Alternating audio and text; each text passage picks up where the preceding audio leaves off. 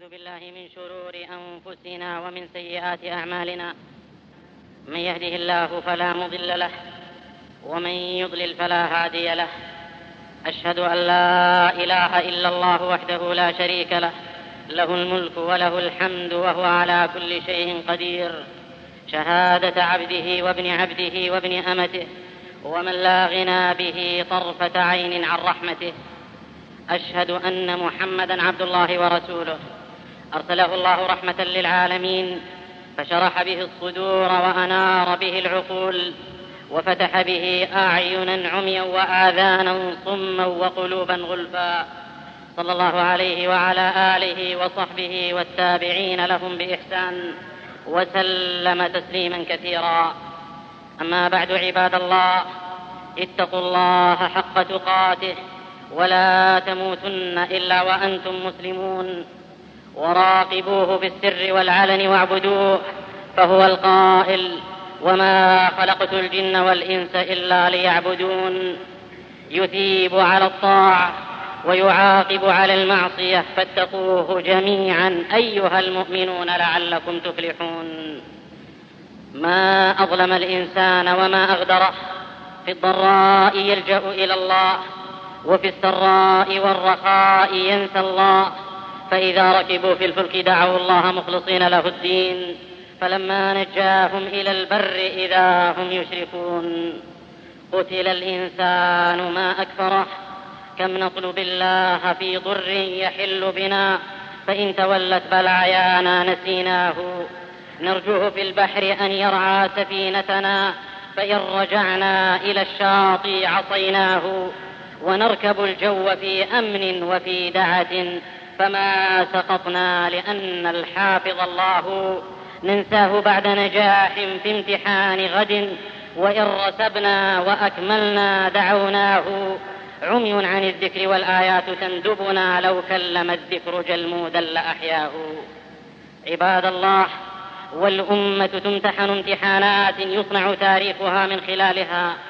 غدا يخوض أبناؤنا وإخواننا ذكورا وإناثا غمار الامتحانات الدراسية. وبهذه المناسبة تجد القلوب وجلة والأذهان قلقة والآذان تتلقف الأخبار عن الامتحان.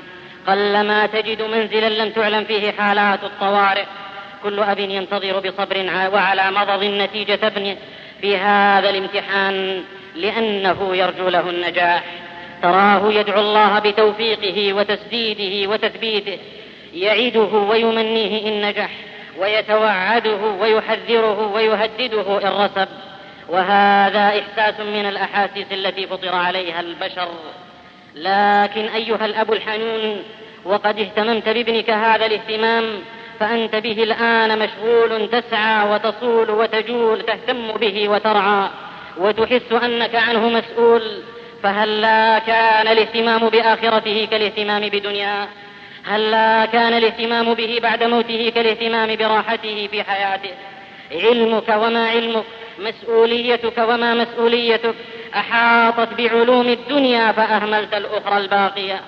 شغلت به في حياته وأهملته بعد مماته. بنيت له بيت الطين والإسمنت في دنياه وحرمته بيت اللؤلؤ والياقوت والمرجان في أخرى. نظرتك وما نظرتك طموحك أملك غاية مناك أن يكون طبيبا أو مهندسا أو طيارا أو عسكريا ويا لله كل الأماني دنيوية. السعي والجد للفانية مع إهمال الباقية هذه ليست حالة نادرة بل قسم من الناس على ذلك. تأهبوا واستعدوا وعملوا على تربية أبنائهم أجسادا وعقولا. وأهملوا تربية القلوب التي بها يحيون ويسعدون أو بها يشقون. هذا هو الواقع والأدلة على ما نقول. هاكها أيها الأب الحنون. هب أن ابنك تأخر في نومه عن وقت الامتحان. ما حالتك؟ ما شعورك؟ ألا تسابق الزمن ليلحق الامتحان؟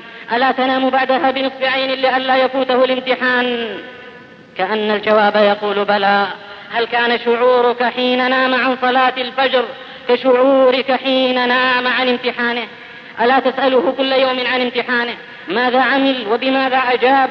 وعسى أن يكون الجواب صحيحا. فهل سألته عن أمر دينه يوما ما؟ ألا يضيق صدرك ويعلو همك حين تعلم أن ابنك قصر في الإجابة؟ فهل ضاق صدرك حين قصر في سنن دينه وواجباته؟ ألا تأتيه بالمدرس الخصوصي إن لم يستطع تجاوز الامتحان وتعطيه ما يريد؟ ألا تمنعه من الملاهي التي رحبت بها في بيتك من فيديو وتلفاز وصحف ومجلات لئلا تشغله عن المذاكرة والاستعداد للامتحان؟ فما عساك فاعل أيها الأب الحنون؟ في امتحان ليس له دور ثان ولا إعادة ولا حمل للمواد فقط نجاح أو رسوب والرسوب معناه الإقامة في النار أبد الآبدين معناه الخسران المبين والعذاب المهين. ماذا تغني عنه شهادته ومركزه وماله إذا أوتي كتابه بشماله؟ ثم صاح بأعلى صوته يا ليتني لم أوت كتابي ولم أدر ما حسابي يا ليتها كانت القاضية ما أغنى عني مالي. ما أغنى عني مركزي ما أغنى عني سلطاني ما أغنى عني علمي الدنيوي وشهادتي. كل ذلك هلك واندثر هلك عني سلطاني. خذوه فغلوه ثم الجحيم صلوه. خسارة ورسوب وأي خسارة وأي رسوب. تكون في الدنيا طبيبا أو مهندسا أو رساما أو مدرسا أما الآخرة فمؤمن وكافر فريقان فريق في الجنة وفريق في السعير. لا نقول أهملوا أبناءكم ولا نقول دعوهم لا والله بل نقول إن الآخرة هي أولى بالاهتمام وأجدر بالسعي وأحق بالعمل. أيها الأحبة من أب حرص على جلب مرب لابنه يعلمه القرآن ويدارسه السنة. قليل من فعل ذلك وليس الذي لم يفعل إذ لم يفعل جنب ابنه عوامل الفساد والإفساد. لكن البعض حشفا وسوء كيل. جلب لابنه سائقا وخادما وسيارة وهيأ له بيتا ملأه بكل الملهيات عن ذكر الله وطاعته. من أب فيكم أعطى ابنه جائزة يوم حفظ جزءا من القرآن أو تعلم حديثا لخير بني الإنسان عليه الصلاة والسلام. قليل من فعل ذلك ونسأل الله أن يبارك في القليل. لكن البعض منا يعد ابنه إن نجح. بقضاء أمتع, بقضاء أمتع الأوقات على الشواطئ في أي البلاد. وما وعد ابنه مرة إن نجح بزيارة مسجد رسول الأنام عليه الصلاة والسلام. فماذا كانت النتيجة؟ النتيجة أن نشأ نشأ منا من أبنائنا يعرفون بلاد الكفر أكثر مما يعرفون مكة والمدينة النبوية. النتيجة أن اتجه شبابنا إلى الملاعب يوم نادى المنادي حي على الصلاح حي على الفلاح. النتيجة أن حل محل المصحف مجلة ومحل السواك تجارة. النتيجة أن نشأ فينا نشأ كالأنعام بل هم أضل أولئك هم الغافلون. إن ابنا بنيناه جسدا حري بنا أن نربي عقله وقلبه ونهتم بحياته بعد موته. وأول خطوة إلى ذلك أن نصلح أنفسنا. ففي صلاحنا وبصلاحنا تكون استقامتهم ورعاية الله لهم. قال تعالى وكان أبوهما صالحا. وثانيها أن نجعل التربية الإسلامية غاية وهدفا لا مانع من تعلم العلوم الدنيوية لكن ليس على حساب الاهتمام بالآخرة. وابتغ فيما آتاك الله الدار الآخرة ولا تنس نصيبك من الدنيا. فيا عبد الله اتق الله في رعيتك فأنت عنهم مسؤول أمام الله. اتق الله أن يستأمنك الله عليهم فتشرع لهم أبواب الفتن من أفلام وأجهزة خبيثة عديدة ومجلات فاتنة صفيقة. يا عبد الله يوم تهتم هذا الاهتمام المادي بابنك يصبح ابنك مركزا كل همه في ثوبه وغطرته ومسكنه ومأكله ومشربه وسيارته. جزاك الله خيرا على اهتمامه على اهتمامك به ماديا. لكن ماذا فعلت لتؤنسه في وحدته إذا ما دفنته في التراب؟ ما أنت صانع بشهادته قد يرسب الآن في مادة أو مادتين قد ينجح فيهما غدا أو بعد غد والمجال مفتوح للتعويض لكن لا تعويض في الآخرة. أعمال العمر كله تعرض الآن للتصحيح في وقت واحد. عليها لجان دقيقة وسجلات وثيقة لا تغادر صغيرة ولا كبيرة. لجنة كالمحكمة رئيس وأعضاء وشهود ومحام ومدع عام. أما الرئيس فسبحانه وبحمده أحكم الحاكمين يعلم خائنة الأعين وما تخفي الصدور. وأما أعضاء المحكمة فملائكة الحساب وأما الشهود فمنك وفيك. هم الأعضاء يوم تشهد عليهم ألسنتهم وأيديهم وأرجلهم بما كانوا يكسبون. وأما المدعي العام فهي الرسالة التي بلغتك من الله عن طريق رسول الله صلى الله عليه وسلم. وأما المحامي فهو القرآن الذي يأتي يوم القيامة حجيجا لك أو حجيجا عليك. يا عبد الله يوم غد ليس مضمونا. قد تسعى وتتعب وتزرع فلا تحصد. قد تدرس وتختبر فلا تدرك النتيجة. أما وقد بلغتك الرسالة فقد وجب الامتحان ووجبت النتيجة. يا أيها الأب الحنون أدعوك إلى التأمل في وصية لقمان لابنه الذي يحبه ويفتديه بالغالي والنفيس. هل أوصاه بدنيا؟ هل أوصاه بزخرف؟ لا بل دعاه لما يحييه حياة طيبة وينجيه من العذاب الأليم. نهاه أن يشرك بالله إن الشرك لظلم عظيم. وأخبره أن الله محيط بكل شيء لا يعجزه شيء ودله على ما ينجيه من الله ألا وهو الهرب منه إليه تبارك وتعالى. بإقامة الصلاة بالأمر بالمعروف والنهي عن المنكر بصبر على ما يصيبه من جراء ذلك. ثم يدله على مكارم الأخلاق التي تسمو بها نفسه. ويعلو بها مركزه فلا تكبر على الخلق ولا ذلة. مع قصد في المشي وخفض في الصوت إن أنكر الأصوات لصوت الحمير. تلك يا عبد الله جملة وصية الأب الحنون حقا. فهل رجعت إلى القرآن فقرأت هذه الوصايا فعملت بهذه الوصية مع ابنك. هل أوصيته ببعضها أو بها جميعها؟ لا إله إلا الله.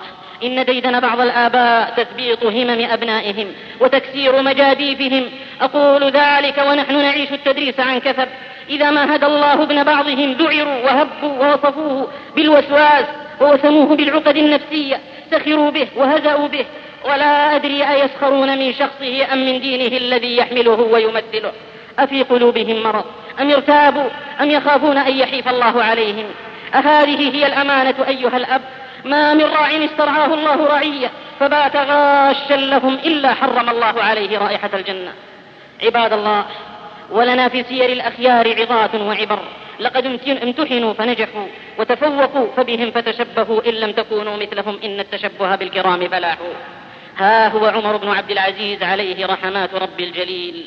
يعود يوما بعد صلاة العشاء إلى داره وهو خليفة المسلمين. مقدرات الأمة بين يديه. يلمح بناته بناته الصغار فيسلم عليهن كعادته وكن يسارعن إلى تقبيله لكنهن هربن هذه المرة وهن يغطين أفواههن فقال لزوجه ما شأنه ما شأنهن؟ قالت لم يكن لديهن ما يتعشين به سوى عدس وبصل فكرهن أن تشم من أفواههن رائحة البصل فبكى وأدهش بالبكاء وهو يئن تحت وطأة المسؤولية ميزانية الأمة تحت يدي.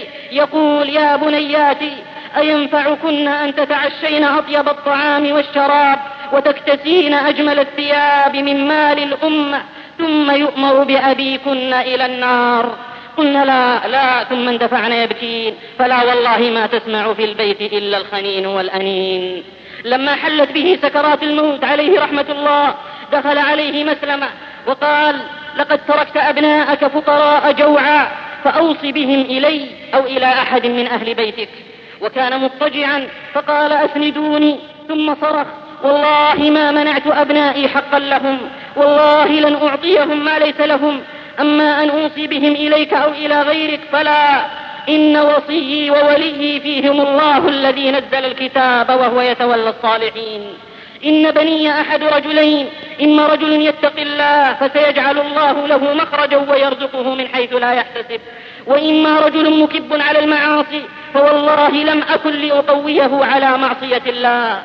ثم طلب جميع أولاده وهم بضعة عشر فاجتمعوا فنظر إليهم ثم ذرفت عيناه دموعا حرا وقال أفديكم بنفسي أيتها الفتية الذين تركتهم فقراء لا شيء لهم. يا بني إن أباكم خير بين أن تستغنوا ويدخل النار أو تفتقروا ويدخل الجنة. فكان أن تفتقروا ويدخل الجنة أحب إليه من أن تستغنوا ويدخل النار. إن وليي فيكم الله الذي نزل الكتاب وهو يتولى الصالحين. ثم تلا قوله تعالى تلك الدار الآخرة نجعلها للذين لا يريدون علوا في الأرض ولا فسادا. والعاقبة للمتقين. عباد الله كلنا في امتحان. فبين راسب وناجح. والمادة هي لا إله إلا الله محمد رسول الله. بين عامل بمقتضاها قائم بأركانها وشروطها وواجباتها. قالها موقنا محبا منقادا مستسلما صدقها قلبه وعملت جوارحه بها فهو الناجح وأي نجاح. وآخر قالها بلسانه وما صدقها بالعمل فهو الراتب المنافق. وآخر لم ينطقها فإلى جهنم وبئس القرار. ها هي رسالة امتحان تأتي لصلاح الدين من أحد المسلمين على لسان المسجد الأقصى الأسير في يد الصليبيين يوم ذاك. واليهود اليوم مع الصليبيين. تقول الرسالة وهي امتحان واختبار لصلاح الدين. يا أيها الملك الذي لمعالم الصلبان نكس. جاءت إليك ظلامة تسعى من البيت المقدس. كل المساجد طهرت وأنا على شرفي منجس. امتحان لصلاح. قام صلاح الدين. يصوم نهاره ويقوم ليله ويشهد همم الأمة الإسلامية ويصدر أوامره ألا يضحك أحد ولا يمزح أحد ولا يفكر أحد إلا في استرداد بيت المقدس ويقودها حملة لا تبقي ولا تذر بعد استعداد جيد للامتحان فيدمر الصليب ويحرر فلسطين والمسجد الأقصى ليكون قدوة لمن يريد استعادة الأقصى السليم. ثم ماذا بعد صلاح الدين يا أيها الإخوة؟ استيقظ اليهود يوم نمنا فدنسوه. ودخلوا إلى قبر صلاح الدين ورفسوه وقالوا ها قد عدنا يا صلاح الدين. فيا ليت صلاح الدين يرى المؤامرات على أقصانا. وما هدم العدو وما استباح ليته يرى كيف بغى اليهود وكيف أحسن الصياح. إن أسئلة الامتحان التي قدمت لصلاح الدين أسئلة الآن تقدم لنا. لكن صلاح الدين حل الأسئلة بنفسه. ونحن أحلنا حل الأسئلة إلى غيرنا فكان ما كان. سقوا فلسطين أحلاما منومة وأطعموها سخيف القول والخطباء لكني أقول يا عباد الله لا يأس لا قنوط ستحل الأسئلة وستبقى طائفة على الحق لتقود الأمة ليعود الأقصى ويعود فلسطين والعاقبة للمتقين. لا يأس يسكننا فإن كبر الأسى وطغى فإن يقين قلبي أكبر. في منهج الرحمن أمن مخاوفي وإليه في ليل الشدائد نجأر. وإن عرف التاريخ أوسا وخزرجا فلله أوس قادمون وخزرج أيها الآباء وأنتم تعدون أبناءكم للامتحان اتقوا الله فيهم. اعلموا وعلموهم أن سلعة الله أغلى وأعلى. علموهم أن الامتحان والنجاح في قصر النفس على ما يرضي الله. علموهم أن السعادة في تقوى الله. واعلموا أنتم أنه لن ينصرف أحد من الموقف وله عند أحد مظلمة. يفرح ابنك أن يجد عندك مظلمة. تفرح زوجتك أن تجد عندك مظلمة. يأتي ابنك يقف يحاجك بين يدي الله قائلا يا رب سل أبي لم ضيعني عن العمل لما يرضيك ورباني كالبهيمة ما يكون جوابك أيها الأب الحنون. أعد للسؤال جوابا. يا أيها الابن تيقظ وانتبه واقبل بقلب على مولاك تظفر باهتداء وقف بالباب واطلب منه فتحا عسى تحظى به صبح امتحاني اللهم إنا نسألك أن تجعلنا من الفائزين الناجحين يوم القدوم عليك يا أكرم الأكرمين. اللهم إنا نسألك التوفيق لأبنائنا وبناتنا وإخواننا وأخواتنا. اللهم لا تضيع تعبهم ولا تبدد جهدهم. اللهم ذكرهم ما نسوا وعلمهم ما جهلوا. ووفقهم لخيري الدنيا والآخرة يا أكرم الأكرمين. أقول ما تسمعون وأستغفر الله فاستغفروه إنه هو الغفور الرحيم. الحمد لله رب العالمين. وأشهد أن لا إله إلا الله وحده لا شريك له. وأشهد أن محمدا عبده ورسوله صلى الله عليه وعلى آله وصحبه والتابعين لهم بإحسان وسلم تسليما كثيرا. أما بعد عباد الله اتقوا الله عز وجل واعلموا أنكم في امتحان دائم. أسئلة تترى تتردد عليكم لتقول لكل واحد منكم يا عبد الله هل راقبت الله؟ فعلمت أنه ما يكون من نجوى ثلاثة إلا هو رابعهم ولا خمسة إلا هو سادسهم. ولا أدنى من ذلك ولا أكثر إلا وهو معهم أينما كانوا. هل راقبت الله يا عبد الله. يوم يعلن لك على صفحات الجرائد عن المساهمة والاكتتاب, والاكتتاب في بنوك الربا. هل قلت لهم لا والله؟ أين أذهب من قول الله؟ فأذنوا بحرب من الله ورسوله فمن ذا يحارب الله. لا خير في مكسب من بعده النار. وأين المكسب؟ والله يقول يمحق الله الربا ويربي الصدقات. ويقول النبي صلى الله عليه وسلم درهم ربا أشد من ست وثلاثين زنية. ويقول المصطفى صلى الله عليه وسلم الربا بضع وسبعون شعبة أدناها مثل أن ينكح الرجل أمه. ثم إن النبي صلى الله عليه وسلم قال لعن الله آكل الربا وموكله وكاتبه وشاهديه وتأتي بعض الصحف في يوم السبت الماضي لتعلن عن مساهمة ربوية فاتقوا الله وذروا ما بقي من الربا إن كنتم مؤمنين. أنتم في امتحان وعندها يتبين الصادق من غيره. هل صليت وصمت لله يا عبد الله؟ هل أطعت الله ورسوله؟ هل تحب الخير وأهله؟ هذه أسئلة. أسئلة تتردد على مسامعكم. هل تبغض الشر وأهله؟ هل تأمر بالمعروف وتنهى عن المنكر؟ هل تحب للناس ما تحب لنفسك؟ هل سلمت أعراض المسلمين من لسانك؟ هل يطمئن قلبك بذكر الله؟ هل يتعلق قلبك بالله في الشدة والرخاء؟ هل نزهت أذنك عن سماع ما يغضب الله؟ هل غضبت عن محارم الله؟ هل غضبت لله؟ هل أحببت في الله؟ هل أبغضت في الله؟ هل أعطيت لله ومنعت لله؟ هل استسلمت لأمر الله؟ هل استسلمت لأمره يوم يأمرك بالحجاب؟ فحجبت أهل بيتك امتثالا لقول الله. يا أيها النبي قل لأزواجك وبناتك ونساء المؤمنين يدنين عليهن من جلابيبهن. الأسئلة كثيرة تتردد عليك صباح مساء. إن كان الجواب بنعم فأنت من الناجحين الفائزين بإذن رب العالمين. وإن كان الجواب بلا فعد إلى الله ما دمت في زمن الإمهال. واندم واقلع ورد المظالم لأهلها قبل وضع الميزان. وتطاير الصحف وعبور الصراط يوم ينسى الخليل خليله والصاحب صاحبه.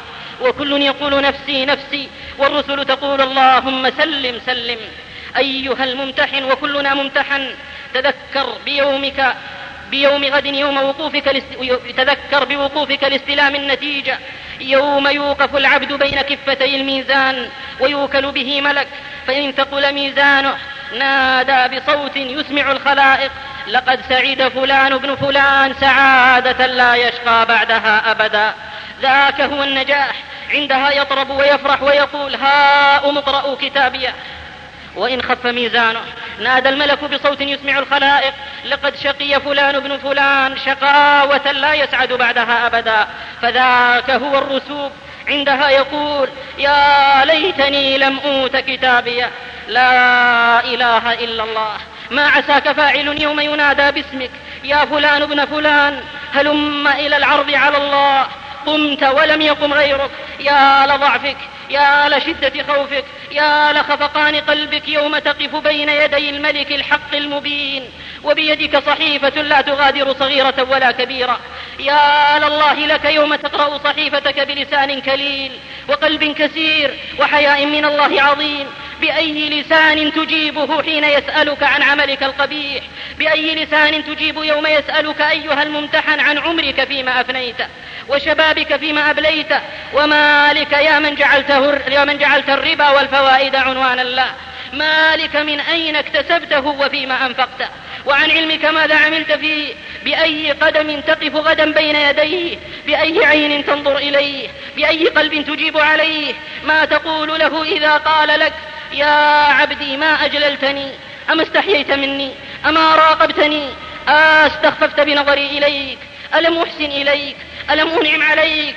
عندها تكاد تسقط فروة وجهك حياء من الله فكيف بك إن شقيت؟ فيا أيها الممتحنون غدا وكلنا ممتحن. لمثل هذه المواقف فأعدوا. وتذكروا بامتحان الدنيا وقوفكم بين يدي المولى. استعدوا وأعدوا وتزودوا وخير الزاد التقوى. جد واتعب أيها الطالب وانصب فوالذي نفسي بيده لن تجد طعم الراحة إلا عند أول قدم تضعها في الجنة. فانتبه من رقدة الغفلة فالعمر قليل واطرح سوف وحتى فهما داء دخيل. أفق. قد دنا الموت الذي ليس بعده سوى جنة أو حر نار تضرموا وتشهد أعضاء المسيء بما جنى. كذاك على فيه المهيمن يختم. فاتق الله وقصر أملا. ليس في الدنيا خلود للملا. ألا وصلوا وسلموا على نبيكم محمد فقد أمرتم بالصلاة عليه. إن الله وملائكته يصلون على النبي. يا أيها الذين آمنوا صلوا عليه وسلموا تسليما. اللهم صل وسلم على عبدك ورسولك محمد وعلى آله وصحبه والتابعين لهم بإحسان إلى يوم الدين. اللهم أعز الإسلام والمسلمين. اللهم أعز الإسلام والمسلمين. اللهم أعز الإسلام والمسلمين. اللهم ودمر أعداء الدين. اللهم انصر عبادك الموحدين. اللهم أصلح من في صلاحه صلاح للإسلام والمسلمين. وأهلك من في هلاكه صلاح للإسلام والمسلمين. اللهم آمنا في دورنا. وأصلح أئمتنا وولاة أمورنا. واجعل ولايتنا في عهد من خافك واتقاك واتبع رضاك برحمتك يا أرحم الراحمين. اللهم من أراد الإسلام والمسلمين بسوء فاشغله بنفسه واجعل تدبيره تدميره واجعل الدائرة عليه واجعل كيده في نحره وزلزل الأرض من تحت قدميه اللهم لا ترفع له راية واجعله لمن خلفه آية يا كريم يا قوي يا جبار. اللهم برحمتك اغفر لجميع موتى المسلمين الذين شهدوا لك بالوحدانية ولنبيك بالرسالة وماتوا على ذلك. اللهم اغفر لهم وارحمهم وعافهم واعف عنهم وأكرم نزلهم ووسع مدخلهم واغسلهم بالماء والثلج والبرد. اللهم ارحمنا برحمتك إذا صرنا إلى ما صاروا إليه. اللهم آنس وحشتنا في القبور وآمن فزعنا يوم البعث والنشور. سبحان ربك رب العزة عما يصفون وسلام على المرسلين والحمد لله رب العالمين وأقم الصلاة إن الصلاة تنهى عن الفحشاء والمنكر